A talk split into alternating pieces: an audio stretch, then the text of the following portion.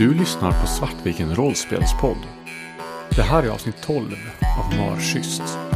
Ingen återvänder.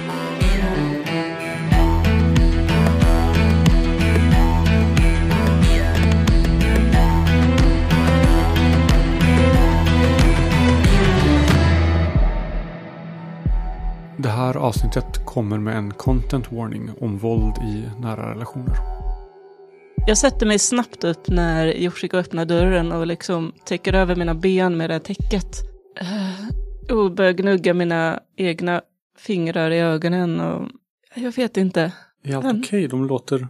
Vänta lite, jag, jag kommer ut och, och, och kollar vad det är. Och så väntar jag tills hon har stängt dörren och sätter på mig kläder.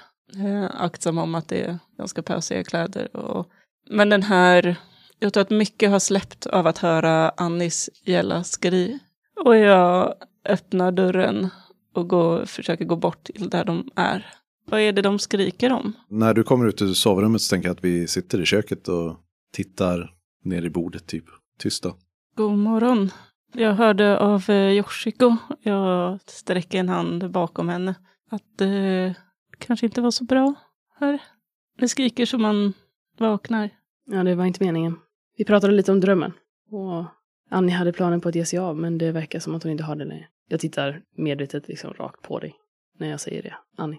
Annie reser sig ganska hastigt upp och börjar på kroppshållning som att försöka, jag börjar vanka men istället så går hon och ställer sig vid diskbänken och ser obekväm ut och lägger armarna i kors.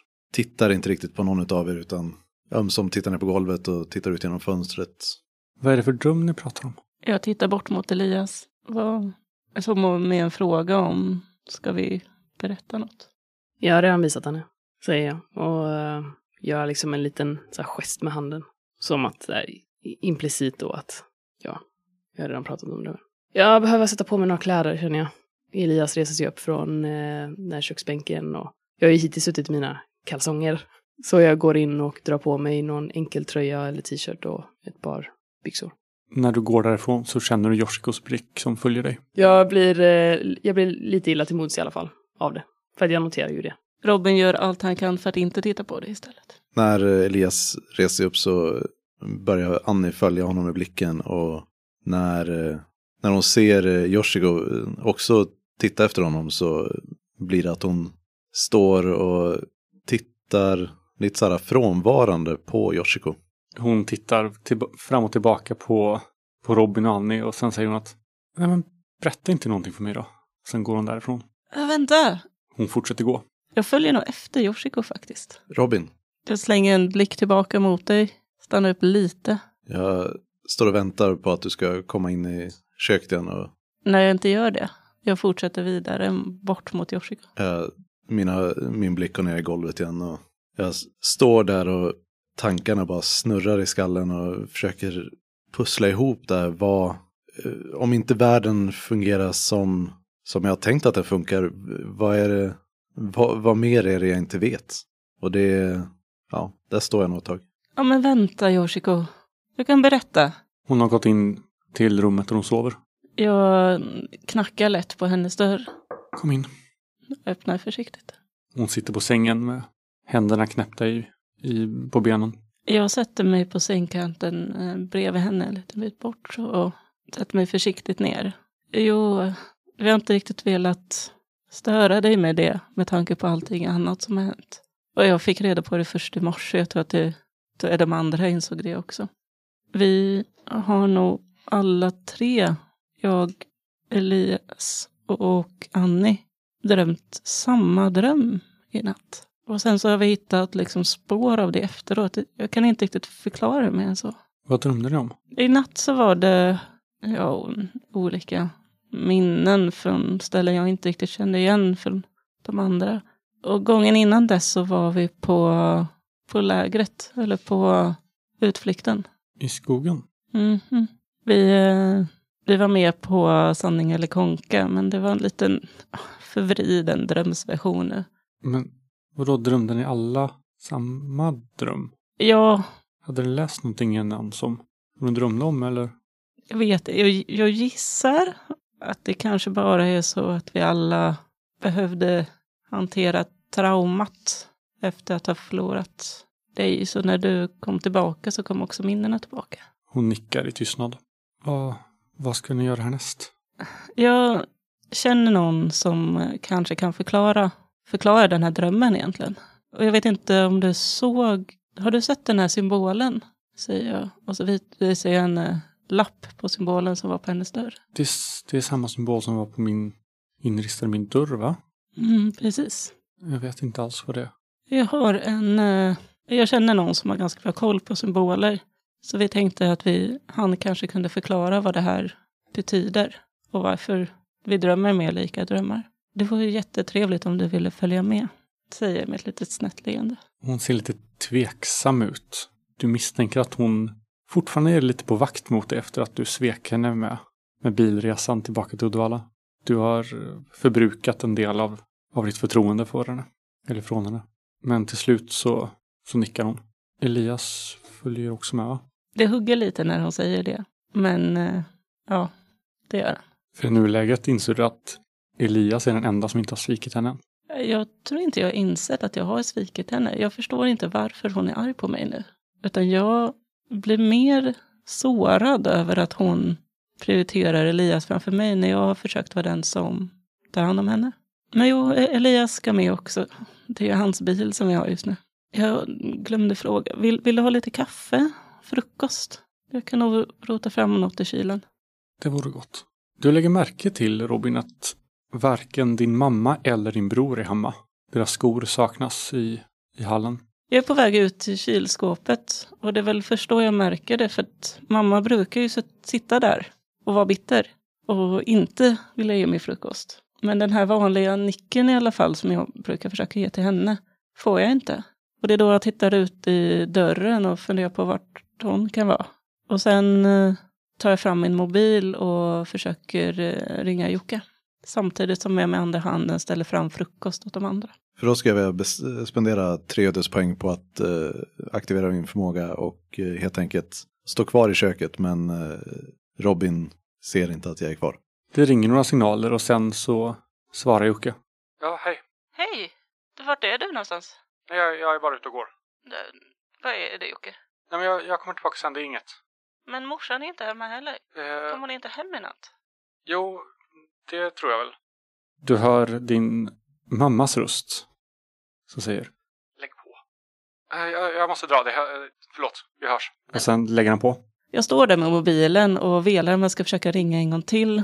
Men om mamma är bredvid så kommer han naturligtvis ändå inte svara. Eh, Så jag skickar ett sms. Du hör att det plingar till i köket. Men du ser ingen där. Anne, det är din mobil som plingar. Jag står där och tittar på Robin när han plockar fram eh, frukost och ringer till sin bror. Och någonstans inom mig så kan jag, jag, jag får lite flash utav minnen från gymnasiet. Hur jag såg på Robin då och hur, hur jag s- verkligen inte kan se på honom på det sättet nu. Utan han är, han är en sån annan person. Och jag är det också. Men det är inte det här eh, föraktet som jag kanske skulle formulera det som för andra. Utan jag står mest där och känner att vi är väldigt olika personer från då. Eh, och jag undrar också vad, vad det är han vet. Mobilen plingar till igen. Och sen igen. Och igen. Vid fjärde eller femte plingen så kommer jag på mig själv och plockar upp mobiltelefonen. Och jag kan tänka mig att typ i samband med det så blir jag nog synlig igen. Det är flera sms från Sebastian. Där det bara står i varje sms. Det var ditt fel. Det var ditt fel. Det var ditt fel. En gång i varje sms. Och de fortsätter trilla in. Jag börjar med att ta bort var och ett av dem eh, varje gång jag läser dem. Men eh, till slut så stänger jag av telefonen och jag menar att lägga den på diskbänken men istället så åker den ner i, i vasken och jag låter den ligga kvar där. Bland all disk.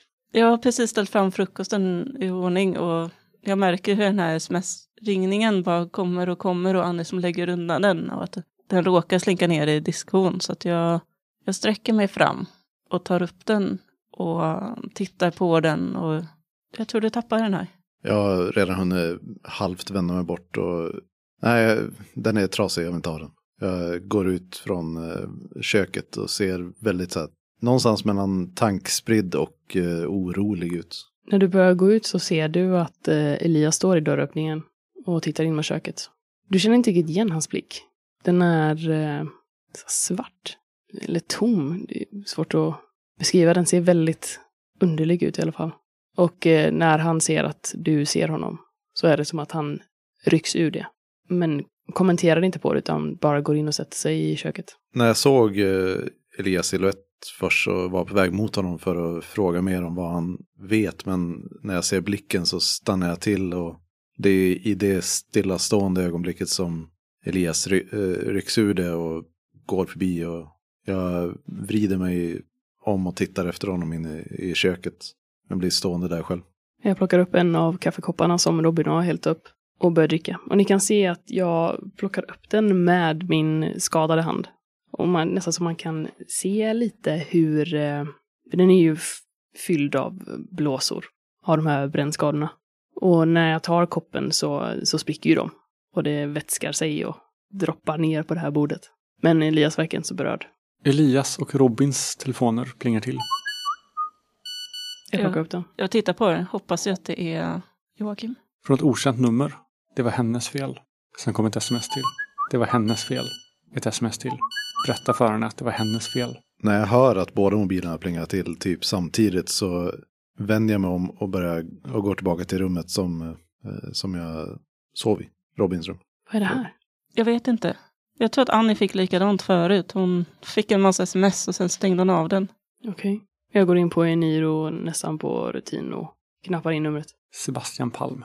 Sebastian. Var, var inte Annie tillsammans med Sebastian? Jag har att jag sett det säkert flasha förbi på Facebook. Jo, det är han. Ska vi etablera en flashback? Ja, har du Ja. en idé? Jag har ingen jättebra fråga, men... Eller så här, frågan är väl i stort sett hur reagerar Robin när Sebastian... Äh, när eh, dagen han får reda på att Sebastian och Annie är tillsammans. Bor vi fortfarande ihop då? Man Eh, tycka. Ja, men vi har gjort slut tänker jag. Ja, enligt men, dig i alla eh, fall. Ja, men det är så här typ vi är på en paus eller eh, är det slut eller hur ser det ut liksom. Mm, jag förstår. Vilka är med i scenen? Är Sebastian med eller är det du som berättar för Robin om det? Ja, där är det lite knepigt för eh, jag tänker inte nödvändigtvis att Ann är med i scenen. Okej.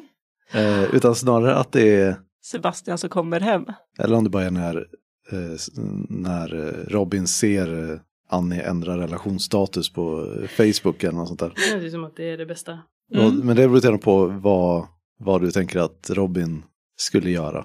Det är ju, det kan ju vara om Annie fortfarande har lite prylar, eller liksom ändå har lägenheten, så kan det ju vara att jag precis har sett dig ändra status och du kommer hem Mm. och jag ska konfrontera dig om detta. S- Scenen tar sin början när Annie precis kommer hem efter att, ja, senare samma dag som, eh, som Robin har sett den ändrade relationsstatusen på Facebook. Så det är där vi börjar. Mm. Annie låser upp yt- ytterdörren och kliver in och börjar ta av sig, ta av sig ytterjackan och skorna. Du kan se Robin sitta i bara mjukisbyxorna i soffan, där rakt in. Så det är som han alltid gjort, ganska länge nu. Efter att han inte riktigt lyckades med bandet och det har varit riktigt tufft i skolan på sistone. Han sitter och har sin mobiltelefon framför sig. Och när han ser dig komma upp så tittar han på dig med mobilen och vad är det här? Vadå i ett förhållande? Ja, vi är ett förhållande. Men, men med Sebastian, vem fan är Sebastian Palm? Det Robin ser är när Annie kommer in så, det är inte det att hon storler eller något sådär, utan, men hon ser uppåt ut. Och så fort du tar till orda så, så ser du hur det här ansiktstrycket först eh, bara blir nästan ledset eller eh, sorgset och sedan så börjar, sedan hårdnar ansiktstrycket och du har ju känt Anne nog länge för att veta att nu, kom, nu är det inte så osannolikt att hon kommer säga någonting elakt liksom. Jag är ursinnig. Jag har tänkt att jag skulle försöka ta det här lugnt, lugnt och sansat. Jag har suttit och försökt samla energi. Men när jag väl säger hans ord och säger det här så att det blir verklighet så är det som att hela jag fylls av den här ilskan och blodet bara rusar i mig. Vad har du gjort? V när? Hur? Och varför? Jag trodde det här var vi. Du vet att det var över mellan oss sedan länge. Vi har inte haft en relation på flera år. Vi, vi hade ju bara en paus. Ja, en paus. Som att du inte har varit, varit runt halva stan och försökt att hitta någonting att doppa i. Det har jag inte. När skulle jag orka med att göra det? Vad fan har du gjort? Har du gjort det? Ja, det, det tror, skulle säkert vara du. Jag har träffat en, en man som faktiskt bryr sig. Det är ju mer än man kan säga om vad du någonsin har gjort. Du har alltid bara varit status och att allting ska se så bra ut med din eh, snygga flickvän och din musikkarriär och allting. Det är över med det nu. Fatt, fatta det. Det här hade aldrig kunnat hållit även om, även om du hade ja, men, lyckats signa det där kontraktet eller vad det nu var du skulle göra. Det, du bryr dig inte. Det är alltid det som är problemet. Jag bryr mig inte. Du ska få se på att inte bry sig. Jag kastar den här, min telefon mot dig. Och sen så letar jag efter något annat som så här, något annat jag kan ta på och bara kasta iväg. Jag kastar mig in i köket eh, när jag ser mobiltelefonen komma flygande. Va, vad gör du? Sluta! Vadå inte bryr sig? Den här tröjan som du fick på din födelsedag, det var svindyr. Kasta den på dig. Den här, ja, dina, dina fantastiska skor som jag har sponsrat. Jag, jag har ju visat hur mycket det jag kan. Jag har ju verkligen kämpat för att få till att du ska kunna få alla de här grejerna. För att du ska kunna upprätthålla din status fastän jag inte klarar det just nu. Jag kommer ut Jag har i kö- verkligen gjort allting. Jag kommer ut i köket igen och tittar på dig med förakt i blicken. S- vad? Du har inte gjort någonting. Du hade inte ens kunnat skrapa ihop de här pengarna för att köpa någonting om det inte var för att jag stöttar dig och tvingat dig till att söka jobb. Jag har hjälpt dig fylla i varenda blankett till a-kassan som du har, som du har varit tvungen att lämna in. Och vad får jag tack för det? Ingenting. Du sitter här på en jävla soffa med dina mjukisbyxor och din sunkiga jävla t-shirt i bästa fall. Och dricker, det är ju knappt ens öl. Det här är bara för mycket för mig. Jag går mot dig och liksom biffar upp mig. Nästan så att det trycker mig upp mot väggen. Jag vet inte vart jag ska ta vägen just nu. Jag ser bara rött. Du trycker verkligen på alla mina knappar. Jag backar, backar in i hallen och... Men sluta Robin, vad, vad håller du på med? Jag behöver bara hämta mina grejer. Jag håller upp mina händer framför och så här, försöker liksom preemptivt skydda mig. Det, det är du som har gjort allt det här. Det är du som gör mig till den här personen. Det är du som... Du trycker på alla mina knappar. Jag vill inte vara så här arg, Annie. Jag försöker att inte vara så här arg, men det är ditt fel. Det är du som trycker på de här knapparna. Kan du sluta säga alla de där hemska sakerna? Och sen så svingar jag iväg en handflata mot din kind. Och jag försöker undvika, men kommer inte så långt. Och det är nog första gången jag faktiskt har slagit dig. Även om jag varit hotfull innan. Jag stannar upp. Vad gör du? du? Du kan inte göra så här mot mig. Jag sjunker ner på eh, marken och håller om kinden. Försöker göra mig så liten som möjligt. Jag försöker förklara för mig själv. Och jag kan inte... Jag vill säga förlåt och det var inte meningen. Men eh, jag säger bara att det är ditt fel. Vill du inte ha mig här så sticker jag då. Och så skrapar jag ihop mina kläder in i vårt sovrum. Och tar gitarren över axeln. Och det är ungefär det jag tar. Innan jag kliver över dig vid ytterdörren. Tittar på dig en sista gång och går därifrån. Jag sitter kvar där på golvet och darrar av både gråt och adrenalin som drar genom kroppen. Och när, när jag hör dörren stängas så börjar samla mig för att resa mig upp och går, går och sätter mig i köket och ringer till Sebastian. Vi fortsätter i Robins hus. Jag plockar upp min eh, mobil med eh, smset från eh, Sebastian Palm. Och jag tror faktiskt att jag svarar honom och skriver ett ganska så här, kortfattat meddelande. Vad vill du? Och sen slutar smsen komma. Men du får inte heller något svar. Jag inser att det, det är korrekt att göra just nu att gå upp och kolla så att Annie är okej. Men orkar fan inte. När vi sitter och dricker kaffe så lägger jag märke till eh, din brända hand. Och återigen så ger jag den där blicken om att du borde ta hand om mig. Eh, och jag tuggar upp min sista brödbit och går iväg till badrummet där jag plockar fram eh, salva och bandage. Jag gör inte motstånd. Jag låter dig lägga om. Däremot kan du notera att så här, jag sitter ju och tittar på dig hela tiden. Ungefär på samma sätt som gamla människor tittar på en smartphone. Och jag tror att du kan märka att jag darrar. Jag är lite mer osäker nu och lite mer nojig att röra vid dig. Jag liksom ber om ursäkt mycket mer eh, när jag håller på att lägga om. Inte riktigt den eh, självklara barskheten av en läkare utan någon som är lite mer nervös. Du ser att en bit av min hud sitter kvar på kaffekoppen. Elias verkar oberörd. Vi får prata om det där en annan gång. Men eh, till slut så nickar jag som att ja, jag kan inte göra mer här i alla fall. Ja, ska vi ge oss av? Nils? Mm. Han borde finnas i, i parken. Vi behöver prata med Annie också. På gott och ont så är hon eh, knuten till det här precis som vi. Kan inte du göra det? Okej, visst. Jag stannar med Yoshiko. Jag reser mig upp och vänder och vrider lite på den här nu bandagerade handen. Liksom. Tittar på den. Sen eh, går jag för trapporna. Jag knackar lite försiktigt på dörren in till Robins gamla rum. Du får inget svar men du, dörren står lite lätt på glänt. Jag öppnar den och går in. Hon sitter där på sängkanten och stirrar ner i sin resväska. Hon verkar ha kommit halvvägs ungefär till att plocka fram nya kläder. Hon sitter där i byxor, en kavaj och bh under. Elias eh, drar djupt andetag och lägger anletsdragen till rätta. Sen går han eh, fram och sätter sig på huk framför Annie. Annie? Du ser hur ögonen är lite rödsvullna och hon tittar bort när, när du sätter dig framför henne. Varför smsar Sebastian dig? Jag vet inte. Jag vet inte vad det är som händer. Vad är det Det- som har hänt mellan er? Ingenting. Det, vi har skilt oss. Jag har inte gjort honom någonting. Jag förstår inte varför han fortsätter skicka de där smsen. Har han gjort det förut? Eller är det bara nu? Nej, det har han aldrig gjort. När skiljer ni er? Tag sen, några månader. Okej. Sen det officiella i alla fall. Elias eh, lägger huvudet på sned lite och tittar upp. Försöker möta din blick. Och du ser eh, återigen att, så här, att det, det är de här varma bruna ögonen. Och ett eh, leende som är ganska så smittsamt.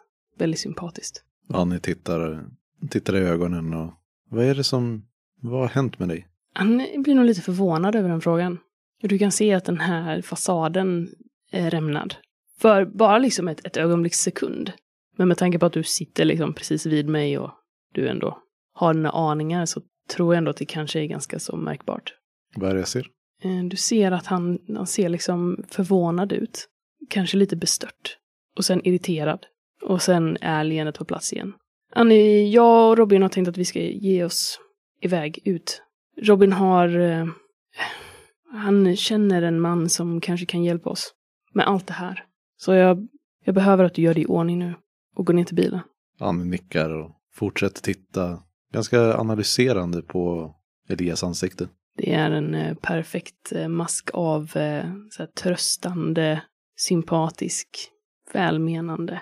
För Annie så är det lite som att titta på en datorgenererad bild av ett ansikte. Allting stämmer men det är någonting som, någonting som bara är lite off sådär.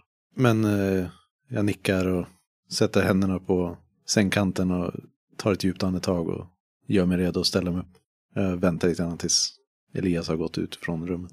Jag går ut. Men jag dröjer lite, alltså när jag kommit bortanför dörren så pass långt att Annie inte kan se mig. Men fortfarande inte så långt ner i trappan att Robin kan se mig. Så eh, stannar jag upp och vänder mig mot väggen och lutar huvudet mot den. Jag är så fruktansvärt trött. Jag förstår inte riktigt hur jag ska kunna orka hålla på och hålla det här uppe. Det är så fruktansvärt utmattande. Jag är så jävla less. Och sen tar jag ett djupt andetag och går ner till Robin. Hon eh, ska bara byta kläder. Vi kan gå ut och sätta oss i bilen. Hämtar du Yoshiko? Mm. Jag går eh, bort mot Yoshikos rum och säger att det, vi tänkte åka nu. Det var ju som sagt trevligt om du ville följa med. Ja, eh, jag kommer. Jag har ingen annanstans att ta vägen så jag följer med.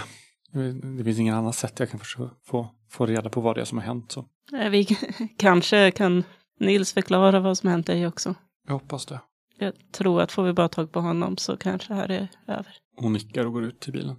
För artikeln hade inte sagt att de hade tagit honom, eller hur? Nej, den sa att han var på fri fot och beväpnad och ansågs vara farlig. Det var därför det var en bild på honom. Yes. Jag går ut och sätter mig i bilen. Annie dröjer ganska länge men kommer till slut ut släpande på sin väska. Och går direkt till bakluckan och eh, kastar in bagaget. Annie är nu klädd i mycket mer praktiska kläder. Åtsittande jeans och en t-shirt med en lättare jacka.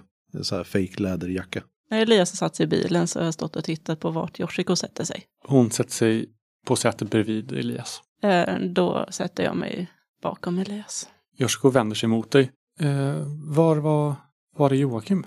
Jag önskar jag kunde sagt hej då. Ja, han, eh, han ringde och sa att hon hade lite ärenden. Ja, okej. Du ser att hon blir uppenbart besviken. Och jag önskar bara att hon kunde tycka om mig också.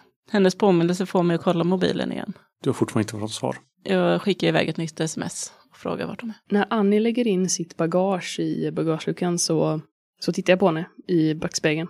Jag sitter fortfarande framvänd så, men liksom kikar på henne genom backspegeln, genom bakluckan. Och jag kan liksom inte undgå att få känslan av att jag går lite balansgång just nu. Jag har ändå en känsla av att hon är kopplad till det här och att jag tror att jag behöver henne för att lösa det. Men samtidigt så, Annie vet och jag är inte bekväm med det. Men eh, så fort som eh, jag får någon indikation på att hon skulle liksom titta upp och kanske råka möta med blick så tittar jag ju ner igen. Annie lägger nog inte märke till att du tittar på henne överhuvudtaget. När jag sätter mig på andra, ja, bakom Yoshiko i baksätet och tittar över på Robin så, och ser att han sitter med sin mobiltelefon så instinktivt så känner jag efter i fickan efter min mobiltelefon och kommer på mig själv och sen sätter jag mig bara tillbaka och spänner på mig säkerhetsbältet och stänger dörren. Jag stoppar ner min telefon igen i fickan och där ligger också Annis. Jag lyckades aldrig ge tillbaka den men hade någon tanke om att hon skulle få tillbaka den. Och nu har jag glömt bort det. Jag startar bilen. Ja, jag tror att han kan vara på Folkets park. Han pratade om dansbanan där. Okej. Jag kör ut på den större vägen och börjar leta mig in mot Folkets park. Folkets park är tom. Den gamla dansbanan står övergiven. Men i skuggan av ett träd så kan en man skymtas. Han sitter vid ett bord med händerna knäppta framför sig. Det är Nils. På bordet framför honom så kan du se att det ligger tre föremål här. Ett av dem är ett av de mynten som Robin plockade på sig när han gick in i skogen en gång för länge sedan. Ett av föremålen är ett av Elias gamla mjukisdjur som du hade som barn. Det tredje föremålet är ett, en av Annis gamla halsdukar som försvann i flytten till Lysekil. Nils sitter och som att han väntar på er. Men han tittar inte på er när ni stannar bilen. Jag kliver ur bilen först och lite vinkar åt er att eh, hålla er liksom, bakom mig. Inte nödvändigtvis vänta här, men i princip att jag går fram först. Och jag börjar gå bort mot Nils. På automatik så sträcker jag mig ut med min förmåga mot den här för mig främlingen. Du uppfylls av en lite förvirrande känsla, så att du är i en, i en glänta nu, men du brukar vara i skogen. Eller som att du är i en dimma, men det är klart nu. Det brukar inte vara klart. Du känner mörker, som att den här gubben inte är ensam med sina tankar. Som att det är någon mer där inne. Jag har fått den känslan tidigare. Det är en känsla du aldrig har känt förr. När vi går framåt och när jag känner det så sträcker jag ut en hand som jag lägger lite försiktigt på Robins överarm med implicit då att eh, ta det försiktigt. Medans eh, Robin och Elias går före oss så går jag i höjd med Yoshiko. Och när eh, Robin indikerar att vi ska vänta här så stannar jag bredvid Yoshiko och sneglar lite lätt på henne. Och väntar egentligen på bra tillfälle att eh, ställa min fråga till henne. När Robin kommer fram till bordet så ser du att bordsytan framför honom är täckt med konstiga tecken inristade i träskivorna. Och framför honom så ligger en kniv. Han tittar upp på dig för första gången sedan ni kom hit. Jag misstänkte att ni skulle söka upp mig här. Slå, slå det ner. Jag tittar tvekande på kniven, men typ på Nils. Och kan inte hålla mig ifrån att slå mig ner. Jag har fortfarande mina klara stunder, men de blir allt, allt färre. Hur, eh, hur mår du? Hur var klassåterträffen? Han ler ett snett leende. Värre än jag någonsin kunnat ana. Han nickar som att han, som att han förstår. Ja, det är så mycket jag vill säga så att jag får knappt orden. Jag tror att du kan ha lite svar till oss. Jag tittar på de prylarna som ligger framför. Ställ dina frågor. Jag svarar så gott jag kan. Mina stunder av klarhet blir allt, allt färre nu, men just nu så, så ser jag klart. Jo, jag tittar bort mot de andra. Det där är Elias och Annie och Yoshiko. Mina klasskompisar. Ja, Mer. Ja, du har, du har pratat om dem tidigare ja. Mm. Vi, gud.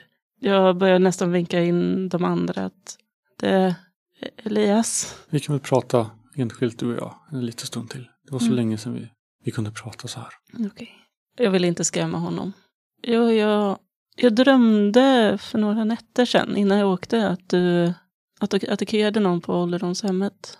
Och att Märit fick en sax i ögat. Och Tor en kniv i bröstet. Mm. Och du, vad hände egentligen sen? Jag satte en kniv i bröstet på Tor. Jag satte en sax i, i ögat på, på henne. Många fler dog också den dagen. Det, jag ser ingen anledning att hyckla om det. Jag, jag var inte mig själv, men det var jag som, som gjorde det. Jag ryggar tillbaka. Jag uppspärrade ögon. Jag har ju aldrig trott att det var han. Ändå. Även om jag vet att det innerst inne. Jag, jag är ingen fara för dig här. Ställ alla frågor du, du vill. Ja, sen, sen kom vi till läget och så hittade vi Yoshiko. Eller, nej, det är egentligen bara för att tänka på annat. Va- varför, varför gjorde du det? Han rycker på axlarna. Jag, jag var inte mig själv. Okej. Det är eh, skräck blandad med någon form av, vet inte. Det är möjligt att få svar här, men jag är livrädd samtidigt. Du, du brukar rita massa symboler, jag tittar på dem på marken. Har, har du sett den här? Rita, lägger fram en papperslapp med symbolen vi hittade på. Han tittar på den. Och sen knackar han två gånger på bordet. Och där ser du att den symbolen är inristad. Vad betyder den? Det, är- det är källan. Det är, eh, det, det är, det är som, en, som en tanke som... Du vet när du har ett, ett ord på tungan som du inte riktigt kan, kan få fram. Det här är så i, i, i mina tankar. Jag, jag, jag vet någonstans vad det, vad det är för något, men jag, jag, kan inte, jag kan inte tänka rakt på det. Hur kan min klasskompis som försvann för tio år sedan komma tillbaka? Som då? Han tittar mot Yoshiko. Ja, jag tyckte väl jag kände igen henne. Hon ser, hon ser annorlunda ut här. Lägger huvudet på sned. Hon ser... eh, Hon är fulare i drömmen. Men det, är- det är hon. Det ser jag nu. Vadå för dröm? Du vet. Du vet mycket väl. Du har varit där. Okej, mardrömmen. Den som vi alla tre drömde. Tydligen besöker varandras drömmar nu. Hur kan det vara så? Ja, det vet jag inte. Men det har någonting att göra med henne. Hon finns där också. Jag, jag måste gå. Men jag säger det här medan jag fortfarande kan. För jag är rädd att mina, mina klara stunder blir allt färre nu. Du måste döda mig, tror jag. Jag tror inte det finns någon annan lösning. Va? Nej, va? Men eh, det får väl bli nästa gång. Han reser sig upp.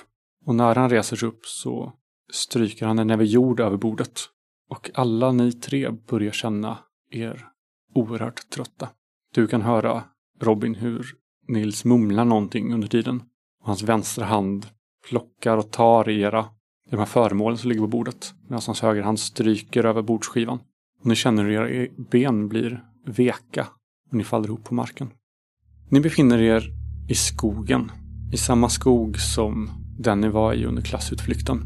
Ni är unga igen. Ni är vilse. Ni känner hur någonting betraktar er från mörkret och från buskarna. Gula, plirande ögon som kikar ut. Elias, du kan känna en närvaro från mörkret. Någonting som är på väg mot er. Någonting som vill er illa. Dess blotta närvaro gör att du blir alldeles kallsvettig. Vi måste härifrån. Vi måste härifrån. Jag börjar backa bakåt nästan så att jag halvt liksom famlar, halvt ramlar bakåt och försöker ta mig eh, i motsatt riktning från det jag känner. Annie, du har eh, walkie-talkien som ni fick tilldelade med dig. Den sitter i ditt bälte. Jag tittar på de två som är, som är med och hör Elias säga att vi måste härifrån. Jag backar ifrån dem. Jag vill inte vara här med fast i skogen med de här två. Jag känner mig väldigt otrygg och osäker. Att vi är i en mörk skog är bara en del av det. Eh, Walkie-talkien tänker jag inte ens på möjligheten att använda. Och jag ser Elias försvinna åt ett håll och Annie åt ett annat. Och jag börjar ropa Elias, vänta! Och sen så känner jag igen hur Annie försvinner från mig. Annie, vänta. Det känns som att någonting är fel. Vi var inte tillsammans när vi var vilse. Jag ser hur Annie kommer närmare det som Elias springer ifrån. Och jag tar mig mot henne som att så här, Annie du är i fara.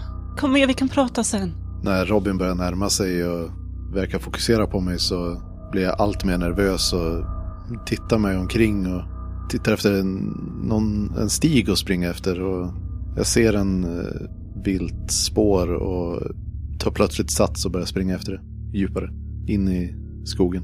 Känner jag någon skillnad när jag rör mig bortåt? Kommer jag längre bort från den här närvaron? Nej, men du känner att det beror på för att den följer efter. Och det du känner i närvaron är att du tycker dig nästan känna igen den. Den här jaktlystnaden. Den här åtrån efter att nå sitt offer. Någon slags lekfullhet. Dold långt ner i ondska och mörker. Jag stannar till där i skogen. Jag är så trött på att fly. Och jag minns den här eh, känslan i tältet. Av eh, lättnad. Och av stillhet. Frid. Och jag inser att eh, jag kan inte springa från det som jagar mig längre. För jag kommer aldrig ifrån det. Vad gör du Robin? När jag ser Annis rädsla i ögonen riktas mot mig som att jag är monstret och ser henne springa därifrån så jag springer inte efter. Jag känner mig som ett monster. Jag påminns om vad jag har gjort mot henne. Och jag, det är som, jag sträcker fram en hand mot henne men sen så knyter jag ihop min näve. Jag vill inte riskera att bli det där monstret igen. När du sträcker fram handen så känner du hur den hettar till som att du har slagit någon med en öppen handflata. Du känner hur du nästan börjar klia i, i fingrarna av smärtan. Den här pinglande känslan av, ett, av hud mot hud. Jag knyter näven och trycker in mina naglar i handflatan för att få en annan känsla. Och jag vänder mig om bort mot Elias och går mot Titanic. Du kommer fram till Elias som har stannat. Preem står ensam i skogen. Flottigt ansikte full med akne. Ansiktsdrag som någonstans är stiliga men som han inte har växt in, in igen. Han har stannat och står där och blickar tillbaka mot dig. Är hotet över? Snart. Det kommer nog bara ta en liten stund. Vad menar du? Jag orkar inte fly längre. Men jag orkar. Jag tar min arm runt dina axlar. Från vilket håll är hotet? Elias svarar inte men du ser att han tittar i en riktning. Och han har tittat i den riktningen sen du kom dit. Han har liksom inte tittat på dig egentligen. Ja, Elias, vakna. Vi, vi måste ta oss härifrån. Jag kan inte förlora dig också. Kan inte ta oss härifrån Robin. Det finns ingen plats dit vi kan gå. Vi måste försöka. Varför? Jag kan inte lämnas ensam en gång till. Alla är ensamma Robin.